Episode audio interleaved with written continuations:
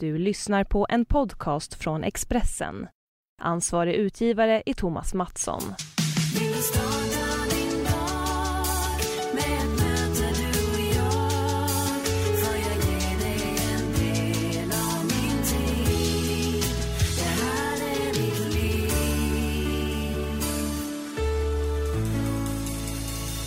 Hej och välkommen till Livshjulet med mig, Anna Hegerstrand. Vi är framme vid avsnitt 174 och veckans gäst, det är ingen återblick. Men med tanke på hur länge sedan det var hon både slog igenom och släppte nytt så får vi nog placera henne i facket gamla godingar. Jag själv var inte ens född när hon som 15-åring slog igenom i gruppen Freestyle med megahits som Vill ha dig och Fantasi. Och jag var bara fyra år när Freestyle hade ombildats till Style och medverkade i Melodifestivalen med Dover Calais. Och det var gruppmedlemmarna Tommy Ekman, Christer Sandelin och så veckans gäst då Gigi Hamilton. Gigi har gjort något som många bara skulle drömma om. Mitt på toppen av sin karriär valde hon att ta en paus och lämna allt för att följa med sitt livs kärlek till USA. Och de är fortfarande gifta, har idag två vuxna barn och nu 30 år senare gör Gigi comeback med nya singeln Promises och albumet med samma namn. Och albumet det släpps 14 oktober. Strax alltså Gigi Hamiltons livsjul. Mig hittar du som vanligt på Instagram där jag heter Anna Hegerstrand och på min blogg på expressen.se Anna Hegerstrand. Och den här podden den görs ju i samarbete med Expressen. Nu Gigi Hamilton, varsågod. Vi har gått i samma klass i snart ett år Jag har gömt mina känslor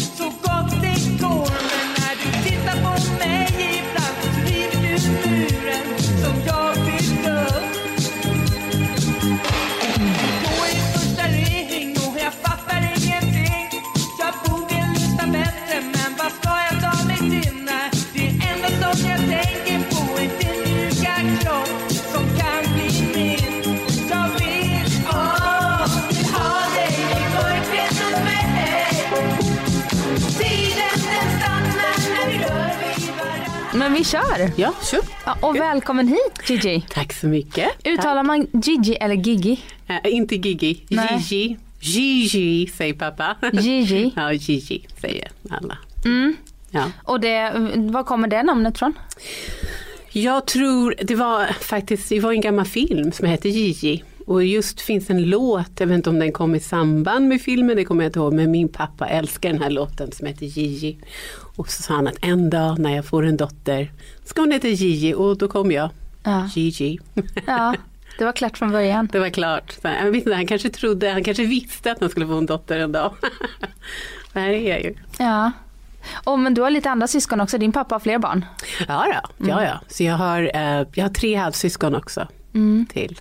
Ja, Och sen så har jag en, en bror, men han har ju gått bort, som är då min helbror, kan man säga så? ja. Ja.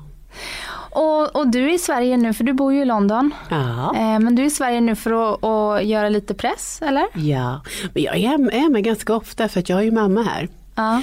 Så jag försöker komma hem så ofta det bara går och det blir mycket. Det känns som jag har klippkort nästan på flygbiljett. Ja, det är så. Och då bor du ute på Lidingö? Ja, ja självklart. Ja, ja. Ska- Annars blir hon arg. Nej, Ja. nej, det går inte. Där du är uppvuxen. Jaha. Ja, inte i, inte i föräldrahemmet, mamma har flyttat nu men ja, På absolut. Lidingö är du uppvuxen i alla fall. Ja, oh ja, Ja. det är jätteskönt. Och, och, men annars är det London som är bas. Just nu är London bas, absolut. Ja, men du har ju bott på jättemånga ställen i världen. Ja, eh, har jag fått reda på när jag ja har det har jag. kollat runt lite på dig. Oh ja, oh ja. ja. Jag bodde många, många år i Tokyo, vilket var fantastiskt. Jag har bott i Peking, New York. Jag har hunnit med en del på de här åren, känns det som. Ja. Mm. Men nu så är det, är det London som är hemma eller kommer Sverige alltid vara hemma? Ja men gud, jag Sverige är alltid hemma. Jag säger alltid, nu ska jag åka hem till Stockholm, hem till Sverige. Det är väl så, det är ju där hjärtat ligger. Jag, menar, jag är ju uppvuxen här, jag har föräldrar, eller eh, mamma nu och kusiner, mina bästa vänner är ju här. Så det är klart, hemma, det är Sverige. Ja. Och nu är du alltså hemma i Sverige för att promota din singel Promises och ditt nya album som kommer 14 oktober. Ja, spännande. Ja, 25 år Ja, det är inte klokt. senare. Det är alltså 25 år sedan du släppte någonting sist. Ja, det är helt galet. Ja. Man tänker inte på att det, jag tänkte inte på att det var så många år, men jag vet inte, jag kan inte säga egentligen varför det tog så här lång tid men det kändes bara rätt nu att göra det. Eh, tiden, jag har väl kanske mera tid och, och just att jag kände, de som jag jobbade med, jag tyckte att det, nej men det här känns nu, ja det här är bra. Och sen så eh, spelade vi in den här skivan. Men musiken, trots att jag varit borta så har inte det betytt att jag inte gör musik. För Nej, precis. jag gör musik hela tiden. Musiken är ju nästan som en bästa kompis, lite terapi däremellan och sådär. Jag har alltid det med mig. Sitter alltid och skriver på något. Är det inte tråkigt då att sitta och producera och inte få ge ut? Alltså, när man men- har varit så stor stjärna som, som du har varit. Liksom. Det började ju tidigt och du fick framgång väldigt tidigt. Ja, men det är ju ett val. Um, varför det inte har kommit någonting. Alltså, du, vi pratar ju om att det är 25 år men när vi började med freestyle um, då var jag faktiskt bara vad var jag, 14 år. 15 när Vill ha dig slog igenom så jag var väldigt ung.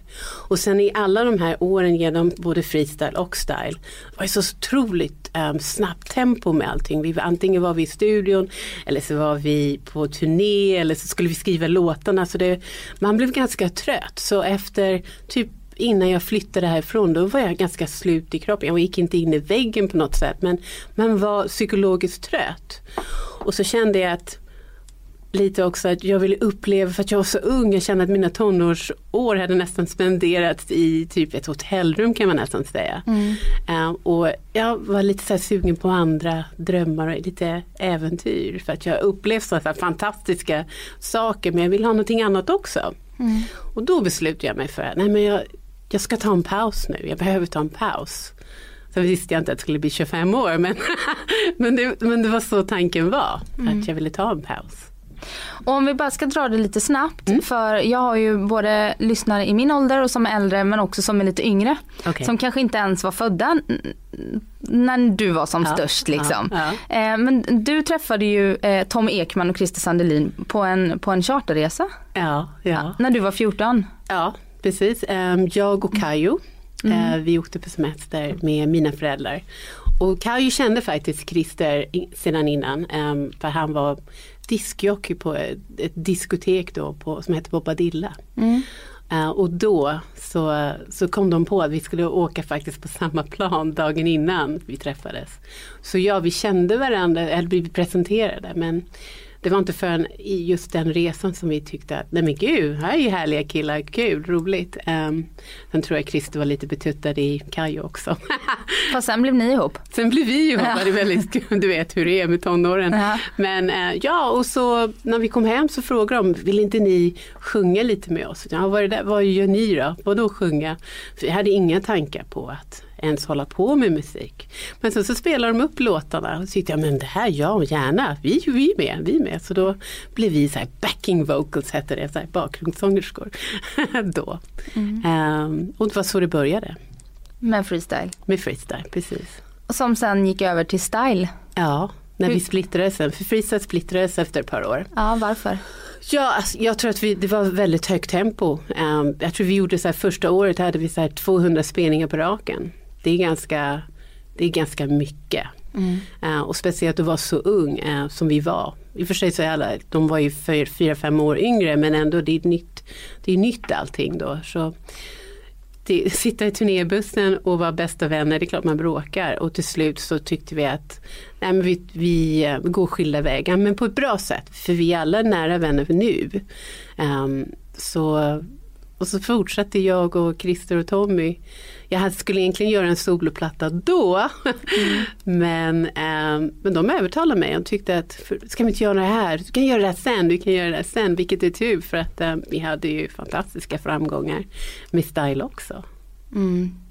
Ja, jag satt och kollade på uh, Dover Calais-videon. Aha. Det, är- det är ju eh, svårslagna frissor där alltså. Och just jag Ja, undrar vem det är som har, har regisserat och liksom så här inlevelsen. Inlev, ni måste ha inlevelse. För Sandelins inlevelse, den är ju helt sinnessjuk. Vi trodde ju på det. Ja, det gjorde ni verkligen. Ja, men vi älskar ju den här låten också. Men det var ju Den, låten är helt fantastisk och videon är också helt fantastisk. Men det är ju ingen som skulle göra den idag. Nej, nej, det är, det är 80-talet. det är den där, det är den där underbara tiden faktiskt. 80-talet, det var lite, man kunde göra ganska mycket som, det var ju inte så, jag vet inte vad man ska säga, men det var väl lite mer fritt kanske. Mm. Right? Ja. Och hur gammal var du när du kände att nej men nu vill jag ta en paus? ja, alltså det var ju eh, var jag 25, 26 där. Så tyckte att nej, nu, nu behöver jag ta en paus. Då hade ni hållit på i drygt tio år. Ja, i bara högt tempo. Men det var ju fantastiskt, jag menar vilket äventyr. Sånt kan man nästan inte drömma om. Jag har ju. Det var ju magiskt. Hur kan du tänka idag, just att ni slog igenom när du var så ung? Känner du att, eh, att du gärna, om du hade fått göra om det, att det hade fått gå några år, att du hade hunnit liksom bli lite mer vuxen och fått dina tonår? Ja, det, det tror jag. För att uh, helt plötsligt så ska du ju, ehm, det, det, det är ett annat liv. Helt plötsligt har du en massa ansvar som du kanske inte ens är, klarar av när du är så ung. Du, menar, du har precis kommit till skolan, typ nian. Jag hade inte ens, börjat nian Nej. när vi började sådär. Men um, alltså, nej, jag tror jag hade varit ganska tur ändå. Um, väl omhändertagen, de som jobbade med de förstod att man var så ung. Pressen var lite lättare för mig och tack vare att alla var också äldre. Så det jag inte liksom klarade av, eh, det klarade de av. Så de var väldigt, vi är väldigt hjälpsamma, vi är väldigt tajta. Det kanske är därför vi är så goda vänner idag. Att vi, vi är där för varandra. För jag hade tur där faktiskt. Mm. Men och när du var 25-26 då träffade du din man som du är gift med idag Ja. på en nattklubb i Stockholm. Du vet! Ja då, jag har koll. Jag blir kär i galen, absolut. Ja, och visste direkt liksom att nej men det här Ja, det är... var verkligen, det var kärlek vid första ögonkastet. Vilket är helt otroligt. Men jag visste att han var mannen för mig. Jag var helt säker. Hur vet man det? jag kan inte förklara det. Jag, jag tyckte att jag kände igen honom till och med. Jag var helt säker på att vi hade träffats förut. Så, men, men det är klart det hade vi inte. Um, jag bara visste, det var någonting i i, ett, i hjärtat, min andra, man kan inte säga så här, min andra liksom halva, men det, det vet jag inte, men det bara kändes rätt. Ja. Och så valde du att ta en paus då och flytta med honom till USA. Ja, alltså han bodde i USA då. Han var bara här på um, någon, någon vecka då. Um, vi träffades bara de sista dagarna. Och ja, det, det blev att han frågade sen om hur skulle du känna att, flytta till New York? Och då tänkte jag över det. Jag tänkte, hmm, New York. Oj, men jag har ju karriären här. Och jag tänkte att jag skulle faktiskt ta chansen till, um, till kärleken faktiskt.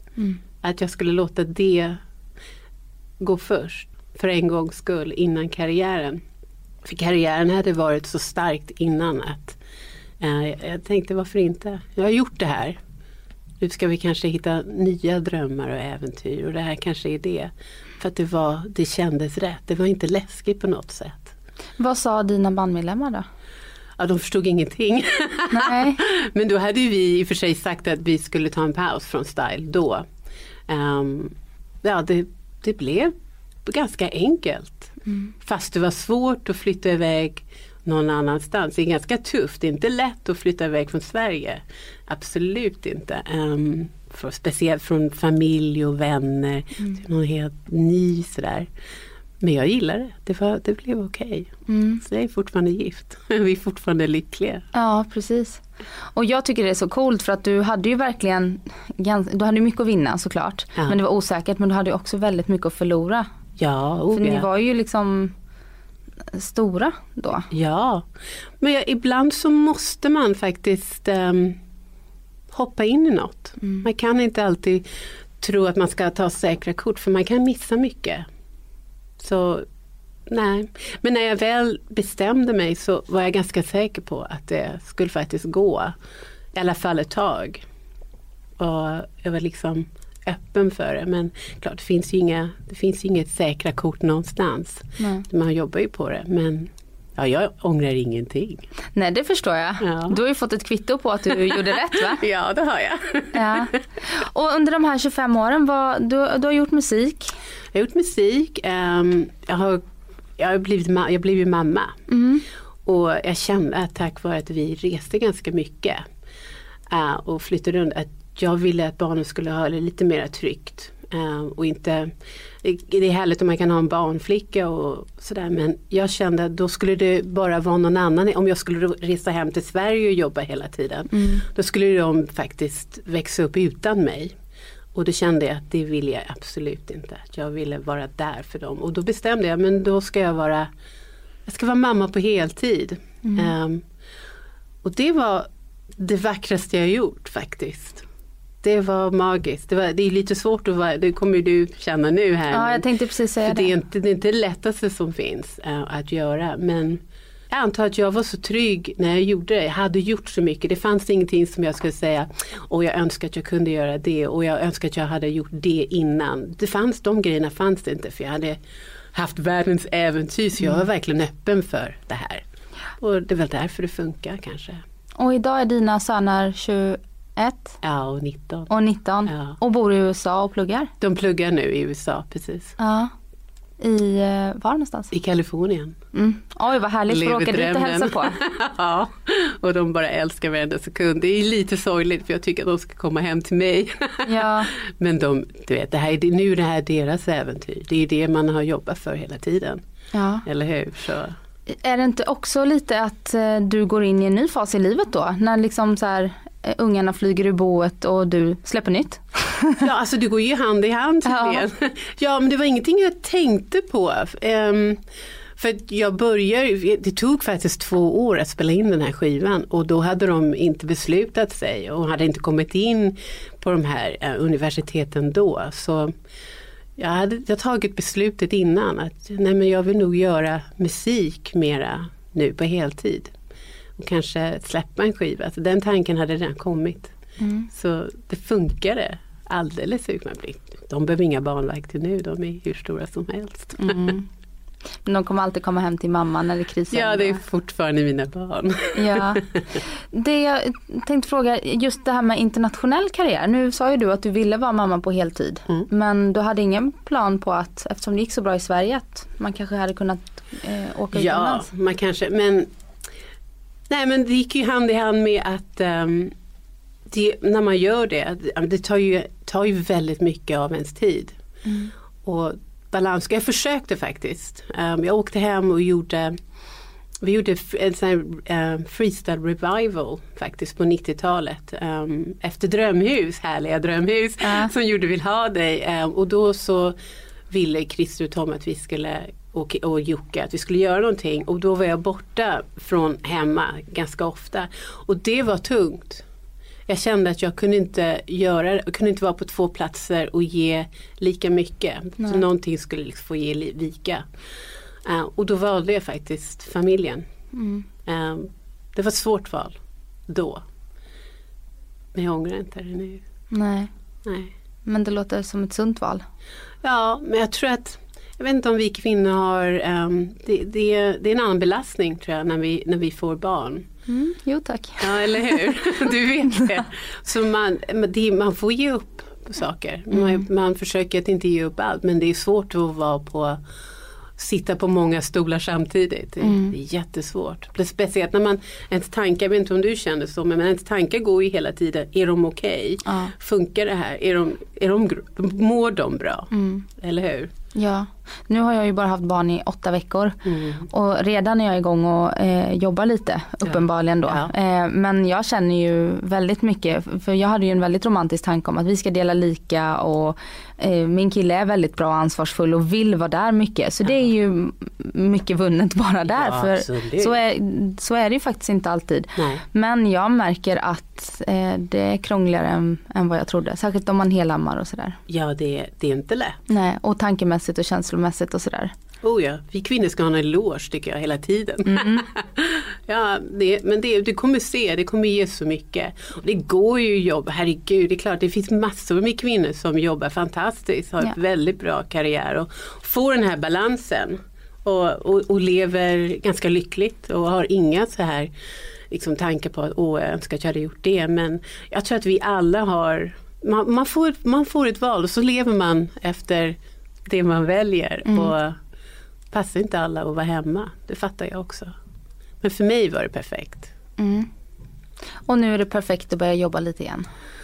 Ja, jag, menar, jag känner musiken känns inte som jobb. Nej.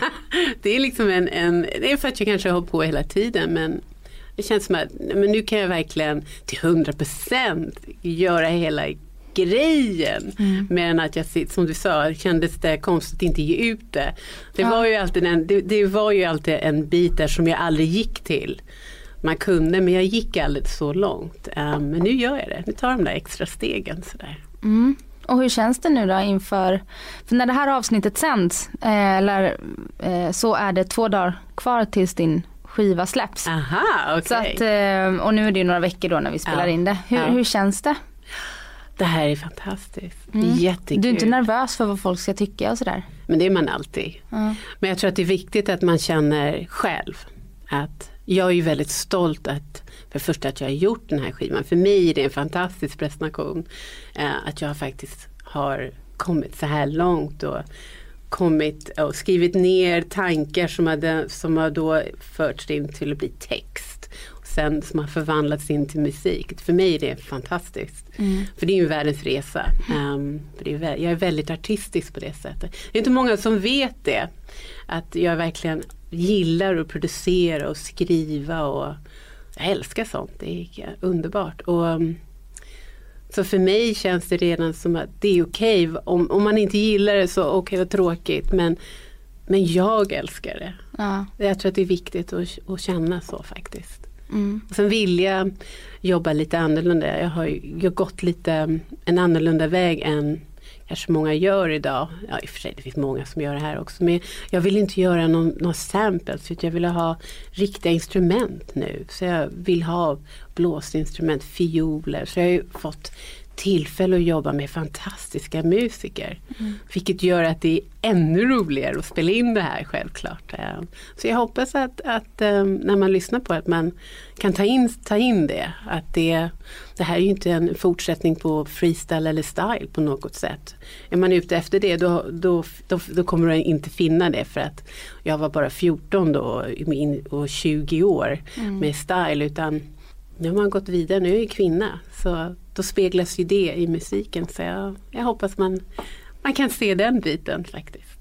Har Tommy och Christer hört skivan? Ja, och de har varit med mycket. Christer Ja. har varit med och verkligen pushat. Han är jättebra. Han är ju fantastisk. Vi är så goda vänner. Eh, och Tommy har skrivit en text som eh, vi ska ha på en av låtarna. Så jättekul. Ja. De har godkänt. De har godkänt. Men det blir ingen återförening av style? Alltså vi har inte, vi har inte några sådana planer, nej. Men vi träffas ju. Ibland så tycker vi, men ska vi göra något? Och vi har gjort. Vi gjorde några fantastiska spelningar. Um, var det Skutskär för några år sedan? Var det Skutskär? Ja. Och det var magiskt att, sjunga gamla freestyle-låtar. Jag tror vi, vi alla fick en liten tår som vi liksom torkade bort lite sådär för det var så mycket minnen och, och spela typ låten, jag vet inte om du vet den här låten men Rider omkring. Det var för oss en ganska udda låt men att att sjunga den framför alla dessa underbara människor så många år senare som sjöng texten och allting. Vi blev så här, åh, så vill ha det. var ju det var en magisk upplevelse. Jag tror att det kan vi leva på länge.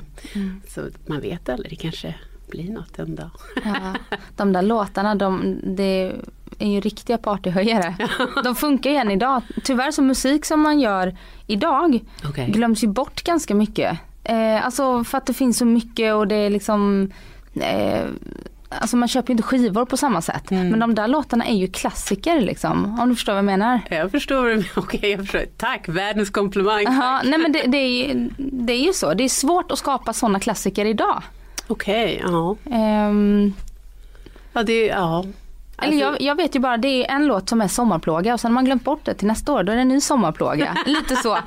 Jag Men- vill ha det då. Eller? Ja precis. Nej men de, de låtarna, det är så här, folk som inte ens var födda då lyssnar ju på den musiken. Ja, eh, vi tycker att det är helt otroligt. Mm. Vi, om vi hade vetat då vad vi vet nu, vi skulle bli helt paffa. Va? Spelar de den här låten fortfarande? Ja. Du vet. Den som vi satt och kämpade med i replokalen. Ja. att det, Nej, jag kan säga när jag brukar komma hem ibland och sitta i en taxi på väg hem till mamma så kan faktiskt vill ha det komma på radion. Det tycker jag är ett magiskt ögonblick. Jag blir nästan så att jag tappar andan. Jag blir jättelycklig och det, det är det som är ditt välkomnande hem. Jag bara, Åh, titta, gud vad roligt. Du vet, jag blir så här rörd. Mm. Underbart. Men var det skönt att, eh, har det varit skönt att inte vara igenkänd? Jätteskönt. Mm. Jätte, jätteskönt. Men det är klart man, man eh, jag älskar ju att stå på scenen. Så, så det är skönt att ha fått världens privatliv. Ja. Och sen när man väljer att stå på scenen att man kan ta, så jag har fått båda världarna nästan. Så Mm. underbart. Mm. Och när du kommer hem idag, känner folk igen dig idag? Åh, jag har inte riktigt tänkt. Ja, jo, jag tror att ja, i, i min ålder tror jag att de gör det. Ni yngre, det, jag tror att du inte skulle veta vem jag var kanske. Hade du ställt håret upp istället kanske jag vetat. Jag får börja med det. Med världens 80-talsfrilla. Och annars att, eh, att eh, bli äldre, vad tycker du om det? Jag tycker att det är helt okej. Jag har ingen åldersnoja. Jag har trott att jag ska få det. När jag blev 25 tänkte jag nu kommer det. Oj oj oj, nu, nu är det nära till 30. Så blev jag 30. Ja men nu kommer det. Nu, nu vet jag, nu kommer jag bli helt däckad. Åh gud. Så blev det 40. Ja men nu måste det ju komma. Självklart. Det har inte hänt. Jag har inte fått den här åldersnojan än. Det kanske kommer nästa, nästa gång. Jag känner inte av det. Jag tror att, jag tror att man, eh, om man håller på och tänker sådär hela tiden. Att det, jag, tror, jag tror inte att det är bra för en och jag tror att det gör en gammal faktiskt. Jag, har ing, jag tror att jag i- innerst inne är den här lilla 18-åringen fortfarande. Det kanske är på gott och ont men ja, jag tror jag, ja, jag tänker inte i ålder faktiskt. Nej. Så mina gråa hårstrån det är, det är okej, det är tråkigt att man får dem sådär men det är okej. Det, det, är, en- det är faktiskt ett vis att man har levt. Why not? Det är, blir lite engelska där men varför inte? Det är väl inget fel med det. Nej. Man ska inte ha så mycket åldersnojor tycker jag. Nej. Och ändå jobbar du i en bransch där det är väldigt åldersfixerat och utseendefixerat. Och jag kan tänka mig att det inte är annorlunda i, i London. Nej, det är precis. Nej, nej, det är speciellt i den här branschen. Men det går inte att göra någonting åt det. Det är klart, du kan göra plastikoperationer och, grejer, men blir du lyckligare för det som människa? Jag tror inte det. Ehm, det, det är så jag tänker, att jag är som jag är ehm, och jag hoppas att det är okej. Jag har inte hört någonting annat. Det är klart att det finns folk som säger men nu har hon blivit gammal. Men ja, men jag är ju 25 år äldre nu ändå. Eller hur? Så ja, men jag, går, jag kan inte tänka sådär. Nej. Okej, Nej. Eh, är du lycklig? Väldigt. Ja, jag har ju mina upp och nedgångar, det har väl alla. Mm. Hur, på vilket sätt? Ja, alltså livet. Livet kan ju komma, du vet när ens kära och nära går bort, det är ju fruktansvärt. Ehm, allt sånt där, det, det blir ju ens nedgångar. Så får man kämpa sig upp i de här dalgångarna. Men upp kommer jag oftast. Mm. Jag hade en bror som gick bort ganska tidigt i mitt liv. Ehm, 1984 så gick min äldre bror bort. Och det var en sån fruktansvärd upplevelse för att det var helt oförberett, visste inte. Och då kände jag faktiskt att nu kan det ju inte bli värre. Det finns ju ingenting som kan hända som kan bli värre än detta. Och då kunde jag på något sätt gå vidare och kunna inte vara rädd för så mycket utan det får, när det kommer då får du ta tag i det. Utan du måste verkligen gå vidare. Kämpa så man inte står still och i den här smärtan. Så det det blev, blev ganska viktigt för mig att kunna göra och lyckades ta mig ur det här. ehm, och kunna gå vidare. Och jag, jag tror att ser på livet, jag vet inte om det låter lite krystat, det är svårt att förklara men det är så jag ser på livet, att grejer kommer men du måste gå igenom det, du kommer att klara av att gå igenom det. Bara ett, ta ett steg framför den andra så kommer du framåt typ. Så ser jag det. Har du tagit professionell hjälp för att komma igenom dina kriser i livet? Nej, jag har faktiskt inte behövt göra det. Jag har tänkt många gånger, jag kanske borde gå i terapi. Men eh, nej, jag har faktiskt inte behövt det. Jag har bra familj, mycket bra vänner som man kan dela på saker och ting. Ehm, nej, jag har inte behövt det. Och, och din man, Ja. Hur länge har ni varit gifta nu då? Och vi har varit gifta i eh, 20 år.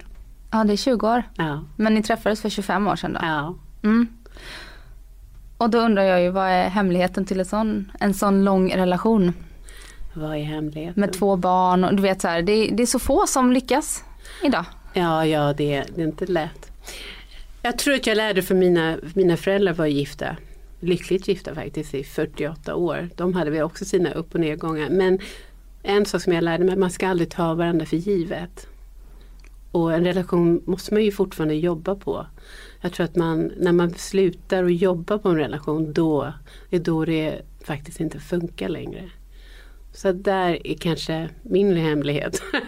det vet jag inte. Men um, ja, och hur är du att leva med tror du då?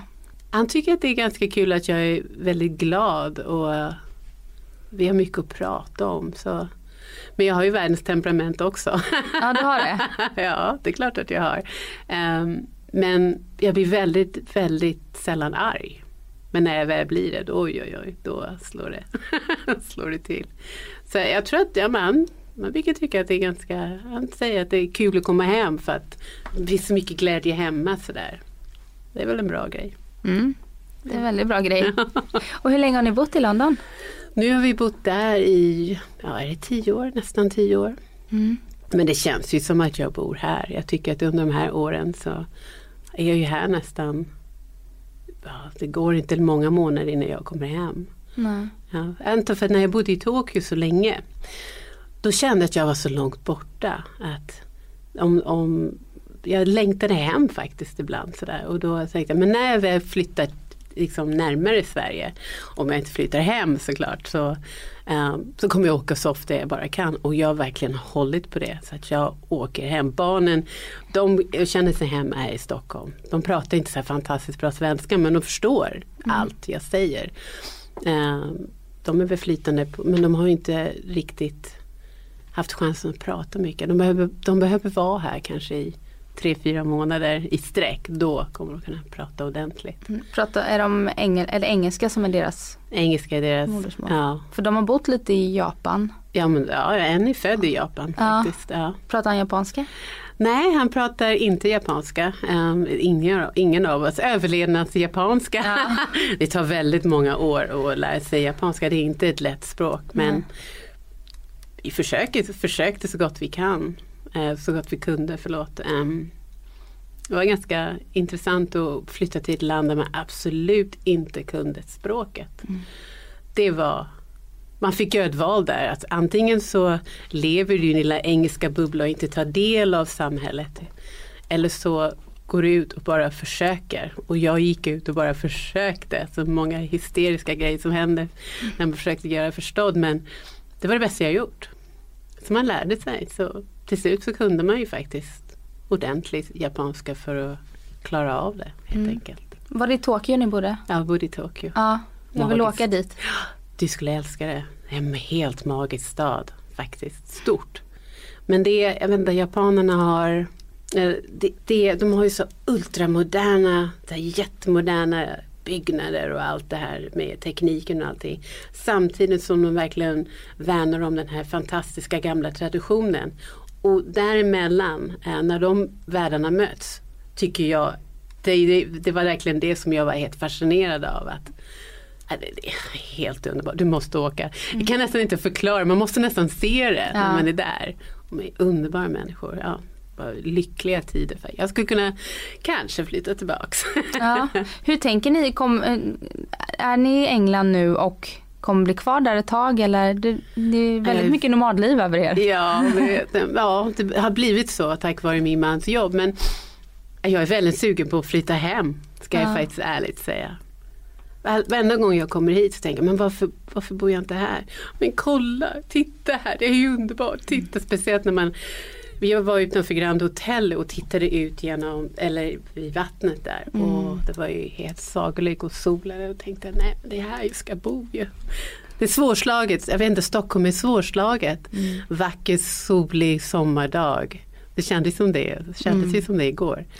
Det är inte mycket som slår det alltså. Nej. Det är en otroligt vacker stad. Ja. Vad skulle din man säga om det då? Ja, han skulle tycka det var superkul men han kan inte så bra svenska men alla pratar ju engelska här. Ja, ju. verkligen. Skulle det funka med hans jobb då? ja kanske, kanske. Mm. Vi har pratat om det. Ja, vad spännande. Ja.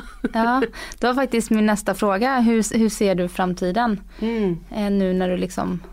Ja, framtiden är att um, först är den här albumet som ska släppas. Mm. Jag vill gärna göra mer musik så här, släppa mer album, det kommer jag absolut göra. Al- Alltså jag kommer gå in för musiken nu till 150 procent. Och hoppas att, att alla hänger med på det här. ja, det är väl så jag ser att jag kommer bli turnerande och eh, mycket framträdande på det sättet och börja skriva igen och på nytt material. Man får nästan se hur det här går först. Mm. Verkligen. Och när det kommer till hälsa och sådär, vi pratade ju om åldersnoja, att du inte känner någon åldersnoja. Hur tar du hand om dig? Hur tar jag hand om mig? Ehm, jag äter väldigt bra. Försöker, äter inte mycket pasta och ris och sådär. På senare tid har jag faktiskt börjat lyssna på kroppen mera.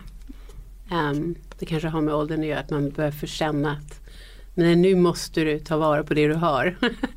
Så jag äter väldigt bra, försöker motionera så ofta jag kan. Jag tycker att det är otroligt tråkigt att gå till gymmet. Men jag tvingar mig dit. jag gillar att simma. Så jag kan faktiskt simma länge. Det är nästan som terapi att simma fram och tillbaka. För man hinner tänka, jag vet inte om du brukar simma Ja, ibland. det, men jag det här älskar monoton. det är underbart. Så jag, gör, jag, jag kallar tiden i gymmet, det är min egen tid. För att det ska kännas lite lyx att jag håller på där och jobbar ihjäl mig. Men Ja. jag förvandlar det så, jag tänker positivt. Mm. Säger, åh vad duktig du är, nu, nu simmar du en längd, kolla nu kan du göra två, åh kolla tre, fyra, fem. och så fortsätter jag så. Ja, jag tycker det är viktigt, man måste röra på sig. Det är jätte, jätteviktigt. Mm. Och äta bra. Och så tackade du nej till en kopp kaffe och Ja. valde istället ett örtte. Ja, du ser. Ja. Är det medvetna val eller är det att du inte Ja, nej, tycker om? absolut, nej, det är absolut medvetet. Jag har slutat med, alltså jag, jag brukade dricka kaffe jättemycket förut. Det var mycket koffein. Oj, oj, oj. Speciellt i studion när man jobbade. Eh, och en gång så faktiskt så jag hade, jag hade tryckt i mig så här koffeintabletter för att jag skulle klara av att vara vaken under, vi skulle köra någonstans och somnade direkt. Då tänkte jag, aha, Ja, då är man trött. då, ja, då är man trött men också att det tar inte. Koffein, liksom, då har man för mycket av det i kroppen och då bestämde jag mig, nej. Det här, du får sluta med kaffet. Så då slutade jag. Så jag dricker inte ens te med koffein.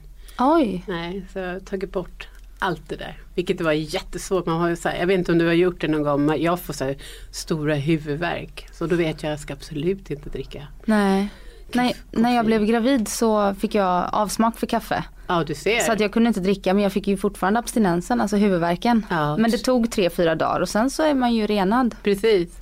Men just att man får huvudvärk, det är en, det är en ganska läskig tanke tycker jag. Ja, det är det. Oh, att kroppen säger faktiskt att nej men jag vill ha det här, åh nu ska jag, nej, åh. nej så Att man är styrd av någonting. Ja, Så du har inga laster? jag älskar godis, choklad. Absolut en last. Ja. Jag älskar choklad. Oh, ja. Så jag, om du skulle ställa choklad här skulle det vara väldigt svårt att säga nej. Ja, det är så. Ja, oh ja. Men jag, jag känner också att när man inte äter så mycket sött så förlorar man faktiskt. Man vill gärna ha den här första men sen så kände jag men åh det var ganska sött så då kan jag faktiskt sluta på det sättet. Men jag vill alltid ha, absolut alltid. Finns det någon anledning till att du började tänka mer hälsosamt? Eh, Ja, det, för jag blev, ehm, jag fick ehm, problem med mina lungor ett tag. För att jag är astmatisk och, och det blev att jag nästan fick så lunginflammationer. Det var så jättejobbigt. Man fick äta kortison ganska länge. Det var fruktansvärt. Men då när man, jag kunde inte riktigt gå långt. Det kändes som jag gick så här, sprang maraton bara för att gå upp för trappan. Det var så här fruktansvärt. Och då ställdes jag faktiskt inför att nej, du måste verkligen ta hand om kroppen. Det här är många år sedan men det var en, en tanke som fick mig att verkligen vända. mm. Och jag kände att du kan inte, man kan inte helt plötsligt, banta är ingenting för mig. Jag är en hemsk bantare. Jag klarar inte av det överhuvudtaget. Jag kan inte göra det. Men däremot så kan jag gå den långa vägen. Eh, att man försöker varje dag göra någonting Mm. bra för kroppen som man behöver. Man äter lite mindre, man äter lite bättre. Så jag tänker så. Det, det är lite mer hälsosamt att tänka så. Ja, Och långsiktigt. ja det är faktiskt det bästa jag kunde göra. Mm. Speciellt när man äter kortison. Jag vet, inte om man, jag vet inte varför man går upp i vikt men man gör det. Om man svullnar upp på Man något sätt, va? svullnar, ja, precis, man svullnar upp och vatten och allt det där. Så man vet också att man, man måste. Du måste göra någonting åt det här. Så är det ju. Liksom. Ja. Jag vet inte varför jag säger det här i radion. Det är väl livet antar jag. Ja. Vad är dina största rädslor annars? Ja, att någonting ska hända med familjen eller något så fruktansvärt. Eller att, som världen ser ut idag, ibland så blir man alldeles mörkrädd man tycker att det är fruktansvärt. Det, där har jag mina rädslor. Annars så, så känner jag att ehm, man ska inte gå omkring och bara ha de här rädslorna. Det, det ska inte styra ens liv på ett sätt för att det är inte sunt heller. Och jag antar att det är för att jag hade den här hemska upplevelsen när min bror gick bort och bara några månader efter, eller en veckor, så gick faktiskt um, trum, eller säga, pianisten i style, eller freestyle bort. Anders Uddberg. Väldigt nära min bror. Så att året 1984, det kommer jag knappt ihåg, det var så fruktansvärt sorg. Um, men därefter så, så har man gått igenom det så tror jag att man klarar av saker som kommer. Som jag sa förut, att man, det blir att man inte tänker på de här hemska rädslorna. Jag gör inte det i alla fall. Det, det, man kan antingen hamna i, för jag har förlorat min pappa. Okej. Och eh, antingen så kan man ju hamna i det här katastrof eh, tankarna att man tror att någonting ska hända hela tiden. Så hade jag väldigt mycket åren efter. Ja. Som har klingat av och jag har jobbat med det nu. Eller så kan man ju välja att eh, ta vara på, på livet när man har det och liksom se att livet är skört och verkligen. Ja, och det är inte lätt att göra så. Det tog många år Ja. att göra det. Det var ingenting som jag gjorde över en natt. Jag önskar att det var så men Ja. det, det var verkligen inte så. Men det är ju också ett val du försöker göra, eller hur? Mm, Att jag har vänner som är rädd för allt just nu. Mm. De är för precis allting och att de ska dö när som helst. Du vet. Så jag tänker, men du har ju så mycket nu. Det här, nej, tänk inte så, tänk på nuet. Försök att vara i nuet. Mm. Jag tror att man måste vara mera i nuet idag. Än, man får inte leva i, liksom, i det som har varit och man kan inte hela tiden tänka framåt. Man förlorar de här ögonblicken. Det tror jag är vad man borde tänka på nu faktiskt, mera. Ja det blir som att leva i ett fängelse annars. Ja, Det är absolut. ju inte att leva på något Nej. sätt. Absolut inte. Nej. Vad tror du då? Tror du på någonting efter, efter det här livet? Ja, det, det hoppas jag verkligen. jag har alltid den här tanken att en dag ska jag få se de här som mina kära älskade liksom, familjemedlemmar som har gått bort. Att den, en dag ska vi ha världens fest där uppe i himlen och det kommer vara helt otroligt. Men alltså jag, jag hör inte till någon speciell em, bok om, om man ska säga så utan jag tar lite nog, jag snor lite av varje tror jag. Ja. och får min egen lilla religion men det det bottnar i samma som det här, man ska leva, man ska ta hand om sig själv, man ska ta hand om andra. Man ska försöka hela tiden vara bättre och du vet sådär. Så, ja, det, det, det är väl religionen som man tar åt sig. Mm. Ja. Och så är det klart att jag Herregud, jag ber snälla gör inte så att det här blir så. Det Nej. gör vi nog alla. eller Ja, ja. Eller? Det, ja, det är lite så här, för jag är ju inte troende, alltså tror inte på Gud sådär och tror Nej. inte på ett liv efter. Okej, du gör inte det? Right. Nej, Men jag hoppas det Jätte, att det jättetråkigt. Ja, hoppas det kanske jag gör. Men rent krasst så tror jag inte, jag lever ihop med en man som är väldigt krass också. Aha, aha. Eh, Så det kan väl vara att han har påverkat mig. Okej. Men jag vet ju särskilt nu då när jag har fått barn än en gång. Eh, vi var och kollade, han, eh, han hade blåsljud på hjärtat när vi var på, hos barnläkaren. Okej. Så var vi och gjorde ultraljud och det är tydligen väldigt, väldigt vanligt. Och då vet jag att jag säger snälla gud, alltså du vet ta till gud när det är sådana såna grejer. Det gör Nu så också. är han helt frisk och allt, allt var jättebra. bra. Liksom. Ja. Mm, mm. Eh, och jag tror väl kanske inte att det var Gud som gjorde det så. Men man tar till honom när När man, honom när eller henne eller vad det nu är. Ja, Ja. absolut, jag känner igen det absolut. Mm. Det är klart, ja. Jag, jag är, väldigt som- dig, men jag skulle tycka att det var fruktansvärt tråkigt att jag aldrig skulle återse de här Mm. jag inte skulle se min bror eller min pappa. Att jag inte skulle se dem igen. Det skulle vara hemskt. Jag vill att det ska vara så faktiskt. Men sen lever inte jag att jag vill att jag vill att det ska vara så. Ja, faktiskt. ja jag förstår det. Gigi, tack snälla för att du kom hit och gästade mig. Ja, tack själv för att jag fick komma. och lycka till nu tack. med musiken. Ja, och vi ska, vi ska spela din eh, singel här alldeles strax. Ja, roligt. Lägger vi på den så lyssnarna får höra och så hoppas jag att vi ses snart igen. Ja, det hoppas jag med. Det var jättekul. Ha det bra nu. Hej då. Hej då. Hej.